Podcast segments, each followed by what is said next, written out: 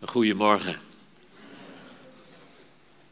Het is heel bijzonder voor me om vanmorgen terug te zijn in Emmeloord en vanmorgen de Ketelbrug over te rijden, de polder te zien en links Urk in de stralende zon. 45 jaar geleden was het dat Annie en ik hier kwamen wonen. Fijn om hier te zijn, om samen na te denken over het gigantisch belangrijke onderwerp, de vraag wie is God voor jou? Kort geleden was ik in Friesland bij vrienden en toen nam mijn vriend me mee naar Leeuwarden.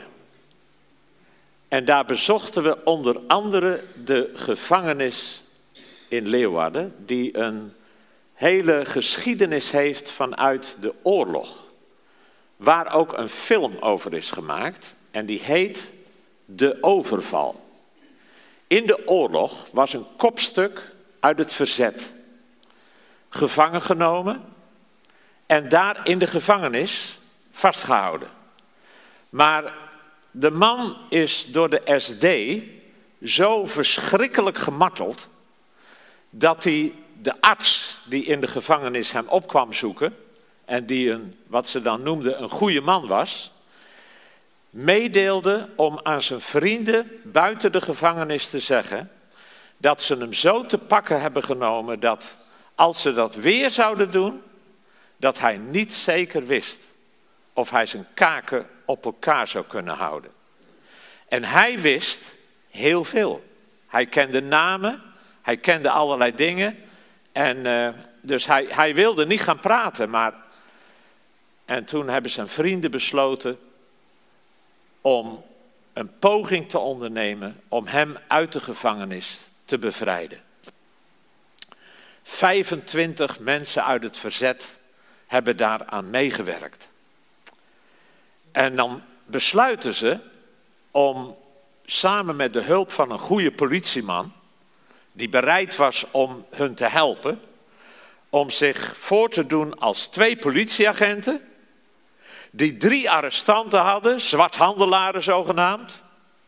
En dan zouden ze bij de gevangenis komen en zich laten insluiten. En dan zouden ze een poging wagen. Hoe het verder gaat, vertel ik zo meteen. Maar er zitten hier kinderen uit groep 10. Ik zat in groep 10 bij meester Miedema.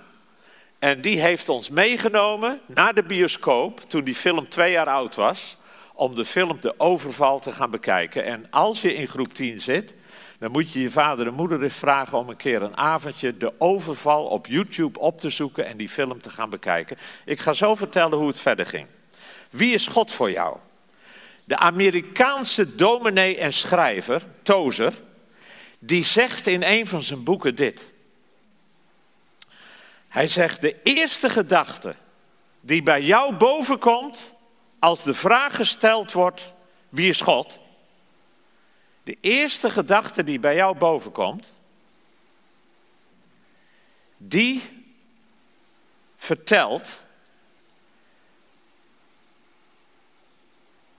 dat is het belangrijkste wat er over jou gezegd kan worden. De eerste gedachte die bij je bovenkomt als je aan God denkt, is het belangrijkste wat er over jou gezegd kan worden. De vraag wie is God voor jou is zo fundamenteel dat we daar vanmorgen met elkaar over nadenken. Wij zijn geschapen naar het beeld van God. Dat leert Genesis, de eerste hoofdstukken leert ons dat. Wij zijn geschapen, wij zijn naar het, gemaakt naar het beeldenis van God. Dat betekent dat God in ons wil zien wie Hij zelf is. Nou, ga ik soms zeggen de volgende slide, want die klikken die werkt vanmorgen niet. Maar de volgende slide, God zien zoals Hij is, dat verandert alles. Diep van binnen hebben we allemaal vragen over God. Bestaat Hij wel? Wie is God? Hoe kan ik God kennen? Hoe dichter wij, hoe dichter jij en ik bij het hart van God komen, hoe meer ons dat zal veranderen. Het zal je hart verwarmen en het zal je een andere kijk gaan geven op alle dingen om je heen. De volgende slide. Er bestaat een soort van mentale afgoderij. Toen onze kinderen klein waren, toen zijn we een keer als gezin in een kerk geweest tijdens de vakantie. En dat was wat wij noemen een zware kerk. Daar, werden, daar werd een preek gelezen door de ouderling. En dat was er niet één, het waren twee preken. En tussen de preken werd een psalm gezongen. En die kerk, dat kerkje, dat lag aan een doorgaande weg waar allemaal auto's overheen kwamen. En toen maakte die ouderling daar een opmerking over. Ja, al die mensen op de zondag die de zondagsrust niet in acht namen. En toen zei hij, er zijn tegenwoordig veel christenen die maken God nog barmhartiger dan de mensen. En toen dacht ik, er zijn mensen die maken God nog barmhartiger dan de mensen. Wat bedoel je daar in vredesnaam mee? Want hoe, hoe barmhartig zijn mensen? Hoe onbarmhartig zijn mensen? Kijk naar de Oekraïne, wat we elkaar aandoen. En dan zeg je, die maken God nog barmhartiger dan de mensen. Wie is God voor jou in vredesnaam? Na de dienst ben ik, heb ik geprobeerd om hem op te zoeken. Ik kon hem zo gauw niet vinden. De kinderen waren nog klein, die wilden naar huis. Ik heb nooit de man de vraag kunnen stellen. Maar dat heeft mij doen beseffen dat wij soms een beeltenis van God met ons meedragen. Maar zo is God helemaal niet. En dat is een soort van wat ik noem mentale afgoderij. We kunnen een afgodsbeeld van hout en steen maken en dat met ons meenemen. Maar we kunnen ook in ons hoofd een beeltenis van God met ons meedragen. Maar zo is God helemaal niet. Ik wil met je lezen de volgende slide, 2 Korinthe 12, vers 7 tot 9. Ik heb dit gedeelte gelezen terwijl ik zat bij het graf van mijn lieve vrouw. Ik heb dat een paar keer gedaan de afgelopen 2,5 jaar. Dat ik een bankje nam en dat bij haar graf zette, dat ik de Bijbel pakte en dat ik de Bijbel heb gelezen. En die keer las ik dit gedeelte. En dat sprak geweldig tot mijn hart. 2 Korinthe 12, vers 7.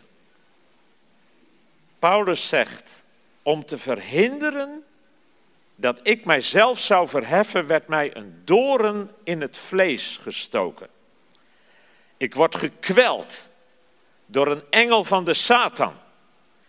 Ik heb de Heer drie keer gesmeekt ervoor te zorgen dat hij bij me wegging. Maar zijn antwoord was: Jij hebt genoeg aan mijn genade. Jij hebt genoeg aan mijn genade. Paulus had een serieus probleem. Hij noemt het een doren in zijn vlees. En hij spreekt erover als een engel van de Satan. Die hem kwelt.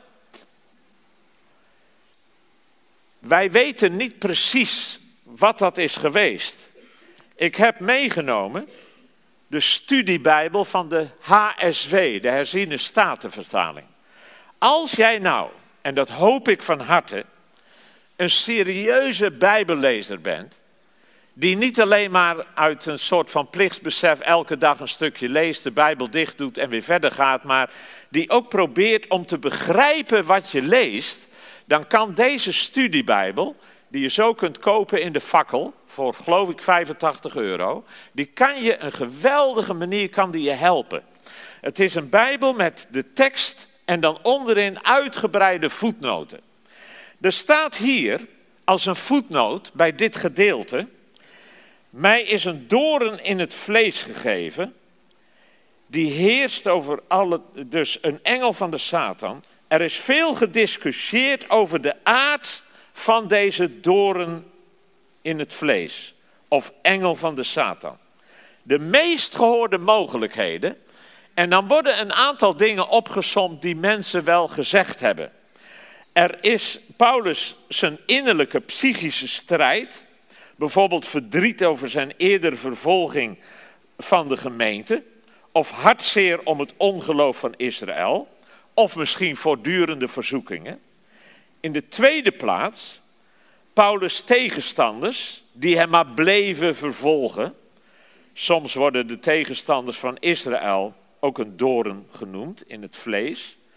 In de derde plaats een of andere lichamelijke aandoening, slechtziendheid, malaria, migraine. In de vierde plaats een duivel die hem lastig viel, een engel van de Satan. De meeste commentaren geven voorzichtig de voorkeur aan de derde visie. En dat was dus een of andere lichamelijke aandoening. Omdat een doren in het vlees op een lichamelijke toestand lijkt te, te slaan. De werkelijkheid is, wij weten het niet met zekerheid. Maar dat het een groot probleem voor Paulus was, dat was wel duidelijk. Als je ooit een doren in je vlees hebt gehad, dan weet je wat het is. Een engel van de Satan die hem dwars zit. Het moet een groot probleem zijn geweest. Dat blijkt ook verder uit de bewoordingen. Als hij zegt dat hij heeft gebeden, dat God het van hem weg zou nemen. Maar dan staat er, hij heeft niet gebeden. Nee, hij heeft gesmeekt of God het van hem weg zou nemen. En dan staat er dat, God, dat hij heeft gesmeekt, niet één keer, niet twee keer, maar drie keer gesmeekt. God, alstublieft, neemt u het van me weg. En dan komt het antwoord van God. En dat is niet het antwoord wat Paulus had verwacht en had gehoopt. Het antwoord is, Paulus, laat het voor jou genoeg zijn dat ik genade voor je heb. Ik kon me helemaal vereenzelvigen met Paulus. Toen Annie ziek werd en wij hoorden dat ze kanker had, hebben we ontzettend veel gebeden dat God haar nog het leven zou geven en dat we samen vruchtbaar Hem zouden kunnen blijven dienen. Eén keer tijdens de bestraling, en dan mocht je zes minuten, mag je er niet bij vanwege de bestraling, en dan zit je via een monitor zit je te kijken. In die zes minuten kreeg ik drie e-mails. Eén e-mail van een uh, broeder Daan, een Nepalese man die wij net hadden leren kennen een paar maanden eerder in Thailand. Die is een Wycliffe Bijbelvertaler en die heeft in zijn vrije tijd een netwerk begonnen van 28 kerken in Nepal. En die man schreef me een mail. Hij zegt: Joop, wij bidden als gezin elke dag voor jou en Annie. Toen kreeg ik een, een mail van Kashi. Kashi is een vrouw die met haar man een werk, prachtig werk in Pakistan doet om 50 scholen met hele arme kinderen te helpen om die op de been te houden. En Kashi, die had net een paar maanden eerder met Annie in die cursus in Thailand gezeten, waar wij naartoe waren gegaan. En zij schreef hetzelfde. Joop, ik wil je laten weten dat wij in ons gezin elke dag bidden voor Annie. En een andere mail was van een Papuaanse vrouw die we jaren geleden hadden ontmoet in een cursus in Australië. En die, is, die vrouw werkt bij Wycliffe en is verantwoordelijk voor een gebedsnetwerk in de Stille Zuidzee. En zij schreef me, ze zegt, Joop, ik wil dat je weet dat, wij, dat ik mijn netwerk heb gevraagd om allemaal te bidden voor Annie. En dan zei ik wel eens tegen Annie, Annie, er zijn misschien wel meer dan duizend mensen die bidden voor jou. Het is niet voorbij voordat het voorbij is. Let's wait and see. En nou is Annie toch overleden. Ik heb s'nachts op mijn knieën in de kamer gebeden, gesmeekt. God, alstublieft, alstublieft. Het doet zo pijn. Alstublieft, Heer. En toch is het anders gegaan. En toen kwamen die woorden aan Paulus. Paulus, mijn genade is voor jou genoeg. En die woorden die kwamen heel erg bij me binnen. En ik heb die vertaald als volgt. Dat God tegen mij, diep in mijn hart zei: Joop, wat er ook gebeurd is, laat het voor jou genoeg zijn te weten dat ik zielsveel van jou houd. Laat het voor jou genoeg zijn te weten dat ik zielsveel van jou houd. Het evangelie is zo bijzonder, de volgende slide. Het is zo bijzonder dat als je daarover na gaat denken, dan besef je, mensen, het christelijk geloof is een geopenbaarde godsdienst. Want dit had geen mens kunnen bedenken. Dat God, de schepper van hemel en aarde, dat Hij voor ons als mensen zou lijden en zou sterven. Het Johannesevangelie is daar een voorbeeld van. Het begint heel cryptisch. In de beginnen was het woord. Het woord was bij God, het woord was God. En alle dingen zijn door het woord geworden. Er is geen ding geworden dat geworden is dan door het woord geworden. En dan ben je verder in vers 14. En het woord is vlees geworden en het heeft onder ons gewoond. Nou, dit, begin, dit is het begin van de beschrijving van leer en leven van Jezus. Maar dan denk je, waar, waar, waar heb je het over?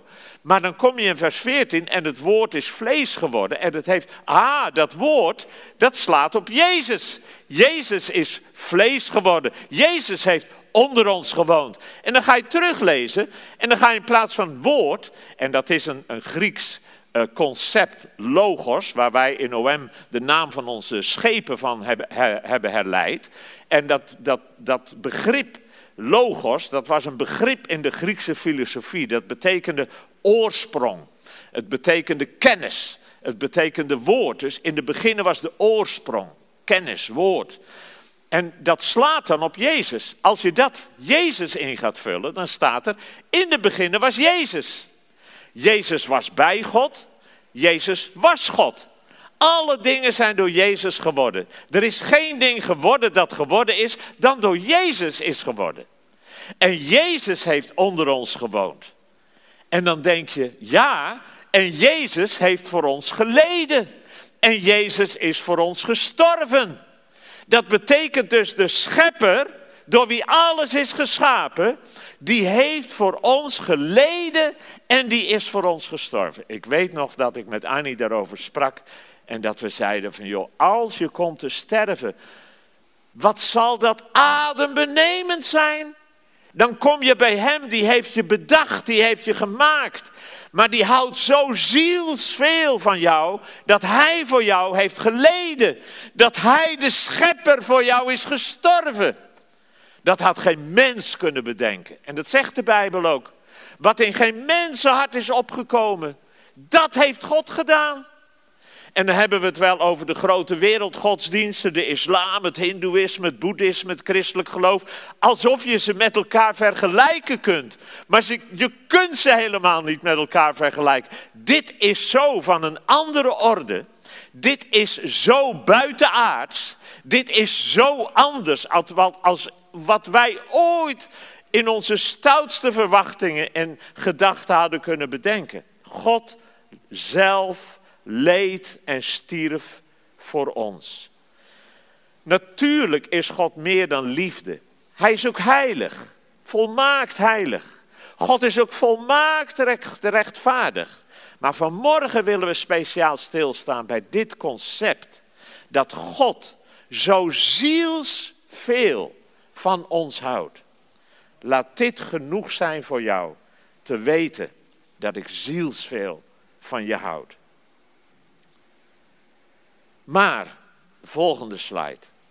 Hoe zit het dan met die verhalen uit het Oude Testament, Joop? Bijvoorbeeld de Canaanieten. Die worden verdreven, landje pik, zodat Israël daar wonen kan. Of de vrede wijze waarop de Israëlieten later zelf worden afgevoerd in ballingschap. Hoe rijm je dat met de liefde van God? Wel, als je naar die verhalen kijkt en je gaat er wat dieper op in, dan zie je dat er een hele andere kant aan dat verhaal zit. De Canaanieten bijvoorbeeld, daar staat over dat God al tegen Abraham zegt in Genesis 15 dat zijn nageslacht 400 jaar in Egypte zal vertoeven.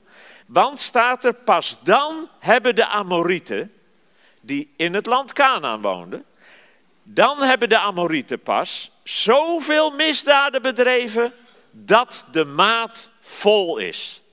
400 jaar. De misdaden die bestonden volgens Deuteronomium 12 uit, en dan citeer ik, ze hebben voor hun goden alles gedaan wat de Heer verafschuwt. Ze hebben zelfs hun zonen en dochters als offers voor hun goden verbrand. Hun verdrijving was het oordeel over weerzinwekkende praktijken. Nadat God dat 400 jaren lang had aangezien. Pas toen was de maat vol. Dus het oordeel van God, dat komt niet zomaar. Nee, verre van dat. Vier eeuwen lang is een lange, lange tijd. En dan staat er over de wegvoering van de Israëlieten in ballingschap, dat God dat ook al van tevoren tegen Mozes had gezegd in Deuteronomium hoofdstuk 8. Als u achter andere goden aanloopt, ze vereert en voor ze neerknielt, ik waarschuw u op de voorhand dat u dan zeker zult omkomen. Het zal u net zo vergaan als de volken die de Heer ter wille van u uitroeit. En als dan het noorden van Israël in het jaar 732 voor Christus in handen van de Assyriërs valt, dan is dat 200 jaar nadat Jerobiam, de eerste koning, twee gouden stierkalveren liet aanbidden. En 200 jaar nadat ze alles hadden gedaan wat voor God een gruwel is. En als Zuid-Israël 127 jaar daar weer na in handen van de Babyloniërs valt en in ballingschap wordt weggevoerd, dan is dat 320 jaar nadat ze, waarin ze de meest verschrikkelijke zonden hadden bedreven, zoals kindoffers, allerlei vormen van afgoderij, immoraliteit, uitbuiting, onderdrukking, moord. Over een koning Manasseh staat letterlijk, hij vergoot zoveel onschuldig bloed dat hij Jeruzalem daarmee vulde, van het ene einde tot het andere einde. 320 jaren lang. En toen zei God, en nou is het genoeg. Je ziet hierin dat het oordeel van God, dat is echt het laatste wat God wil. Zoals God het zegt door de profeet Ezekiel. De dood van een slecht mens geeft mij geen vreugde. Ik wil dat hij een andere weg inslaat en in leven blijft. De echo van die woorden, die hoor je in de woorden van Jezus. Als Jezus huilend over Jeruzalem uitkijkt. En zegt, Jeruzalem, Jeruzalem, dat de profeten dood en stenigt wie naar haar zijn toegestuurd. Hoe vaak heb ik je kinderen niet bijeen willen brengen, zoals een hen haar kuikens. Het oordeel is het laatst wat God wil. De volgende slide zegt Gods liefde steeds opnieuw. In het Oude Testament kom je het verhaal tegen van de profeet Jona. Jona die naar Nineveh gestuurd wordt, de hoofdstad van de Assyriërs. De Assyriërs die de oorlog tot religie hadden verheven en met geweldige wreedheid volkeren onderworpen. Alles wat je daarover leest is afgrijzelijk. Het is weerzingwekkend. En dan wordt Jona gestuurd om te zeggen dat God er een einde aan gaat maken. En dan wil hij niet. Want ergens is hij er al bang voor dat die Ninevieten zich misschien zouden bekeren. En dat God zou afzien van zijn plan.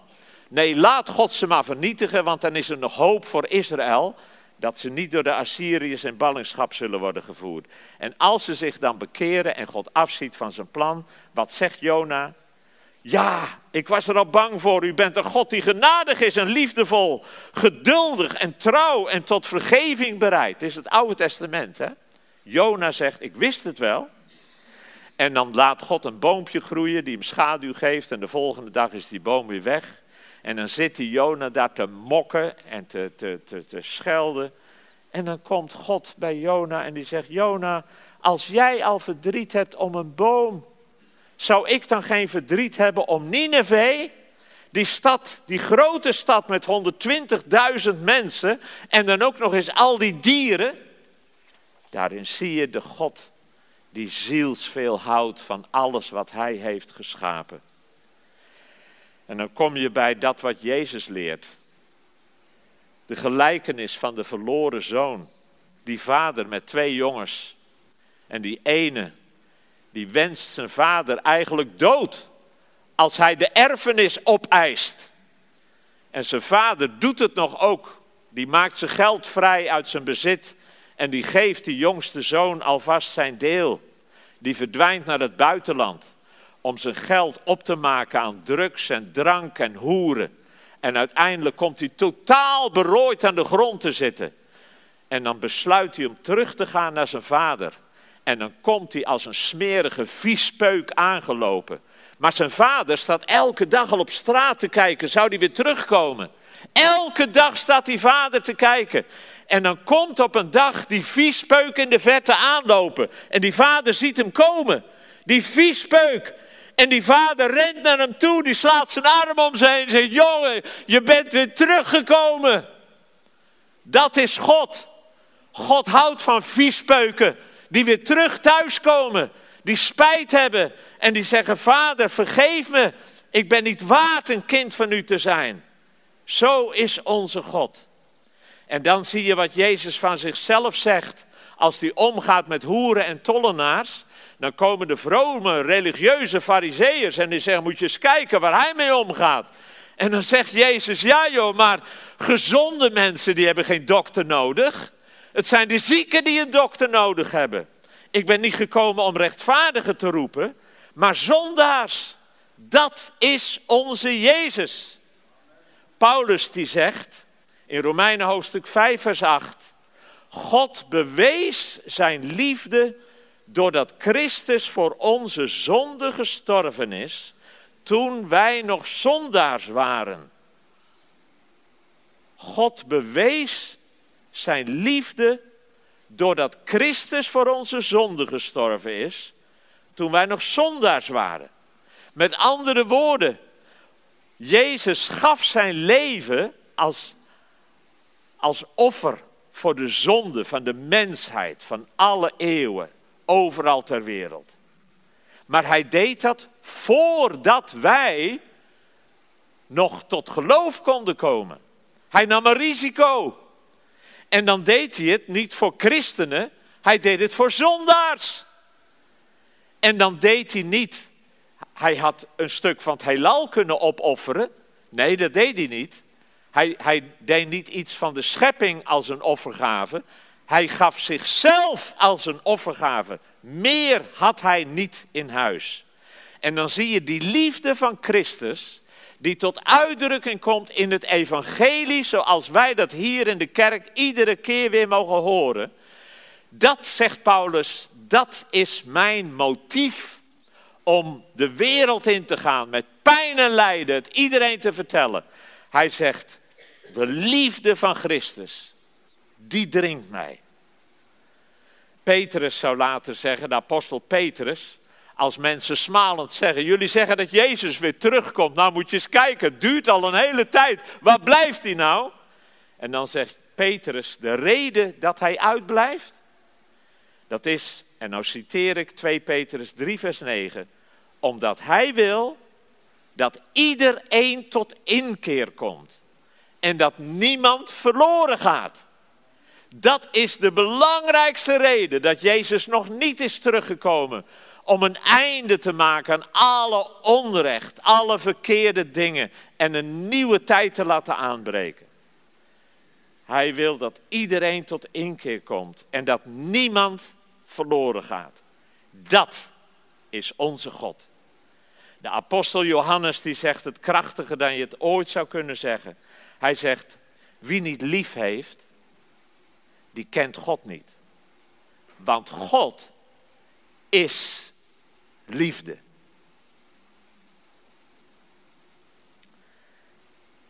De volgende slide laat dit voor jou genoeg zijn. Wat God aan Paulus leerde, in zijn pijn, in zijn smeken. God, alstublieft. En die gebeden die werden niet verhoord. En wat God Paulus leerde en zei, was Paulus, laat het voor jou genoeg zijn te weten dat ik zielsveel van jou houd. Wie is God voor jou? Tozer zei, wat bij jou in je gedachten komt als eerste als je aan God denkt. Dat is het belangrijkste wat er over ons te zeggen valt. Wie is God voor jou? Is zo'n belangrijke vraag. En dan tenslotte, volgende slide. Gods liefde is in alles ons fundament. Als we in de eeuwigheid gaan komen, in de heerlijkheid en de glorie van God, dan zullen wij tot in eeuwigheid herinnerd worden aan het feit dat Hij zo ontzettend veel van ons gehouden heeft. Want Jezus heeft ook in zijn opgestane lichaam de wonden van zijn lijden nog altijd zichtbaar bij zich. Tot in eeuwigheid zullen we dat blijven zien als een herinnering. Dat Hij zo ontzettend veel van ons houdt. De brief van de Hebreeën die begint op een prachtige manier. Ik citeer. Op velelei wijze en langs velelei wegen heeft God in het verleden tot de voorouders gesproken door de profeten. Maar nu de tijd ten einde loopt, heeft Hij tot ons gesproken in Zijn Zoon. En wat heeft God tegen ons gezegd? Luider en duidelijker dan dat Hij het heeft gedaan, kon Hij het niet zeggen. Ik hou van jou. Ik hou van jou, zielsveel. Dat is wat hij tegen Paulus zegt. Dat is wat hij tegen mij zegt. Dat is wat hij tegen jou zegt. Misschien wel in al je pijn. In al je verdriet. In al je onverhoorde gebeden die je met je meedraagt. In al je dromen die aan diggelen gevallen zijn. Dingen die je niet begrijpt. Ik hou van jou. Ik hou zielsveel van jou. Niemand mag denken dat hij of zij voor God buiten de boot valt. Ja joh, maar ik ben zo viespeuk. Dat God van mij houdt, dat kan niet. Niemand mag zo praten. Want hij is niet gekomen voor gezonde mensen. Hij is juist gekomen voor zieke mensen. Doodzieke mensen. Terug naar die gevangenis in Leeuwarden. Die mensen uit het verzet met 25 hadden een plan opgevat om hun maat, Bakker heette die, uit de gevangenis te bevrijden. Ze lieten zich insluiten. Eén keer in de gevangenis pakken ze hun wapens, ze overvallen de bewakers. Ze hebben afgesproken dat ze het hele verhaal proberen te doen zonder een schot te lossen. En dat is gelukt. Ze doen die gevangenisbewaarders, die stoppen ze in de cel. En dan maken ze de cellen los en dan komen ze bij de cel van Bakker. En dan doen ze de deur open. Nou, stel je voor, stel je voor. Dat die 25 man met gevaar voor eigen leven die operatie hebben ondernomen. Dat ze dan bij de cel van de man komen waar het allemaal om gaat, Bakker. Dat ze de deur open doen en dat Bakker daar zou zitten en zou zeggen: Nee jongens, ik blijf hier zitten. Ik blijf hier zitten. Die 25 man die hebben hun wegen, leven in de waagschaal gesteld om jou eruit te halen en jij blijft hier zitten. Dat zou toch onvoorstelbaar zijn? En dan denk ik, het is net zo onvoorstelbaar als dat God dit allemaal gedaan heeft. Voor jou en voor mij om ons als viespeuken te vragen: kom de gevangenis uit en kom achter mij aan. Vertrouw mij. Laat je dopen en ga een heel nieuw leven leiden. En dat jij zou zeggen: nee, sorry joh, ik blijf hier zitten. Wat een verschrikkelijk iets zou dat zijn. Paulus die zegt aan het einde van, of aan het eind van Romeinen hoofdstuk 8, hij zegt, ik ben ervan overtuigd dat de dood nog leven, engelen nog machten nog krachten, heden nog toekomst, hoogte nog diepte, of wat er ook maar in de schepping is, ons zal kunnen scheiden van de liefde van God die ons gegeven is in Christus Jezus onze Heer. Ik ben ervan overtuigd. Dus de vraag van morgen, heel eerlijk. Ben jij echt in je hart er echt van overtuigd dat de liefde van God voor jou, wat je ook gedaan hebt, hoe moeilijk het ook voor je is, hoeveel pijn je ook hebt, hoe je jezelf ziet tekortschieten, hoe moeilijk het misschien gaat in je huwelijk, hoe moeilijk de relatie is met je kinderen, of hoe moeilijk de relatie ook is als kind met je ouders. Ben jij ervan overtuigd, net als Paulus, dat niks en niemand jou ooit zal kunnen scheiden van de liefde van God in Jezus Christus? Wie is God voor jou? Laat het genoeg zijn. Zegt God tegen Paulus. Hij zegt het tegen jou. Hij zegt het tegen mij. In je pijn, in je verdriet, in je onverhoorde gebeden, laat dit genoeg zijn. Te weten dat ik zielsveel van jou houd. Zullen we samen bidden?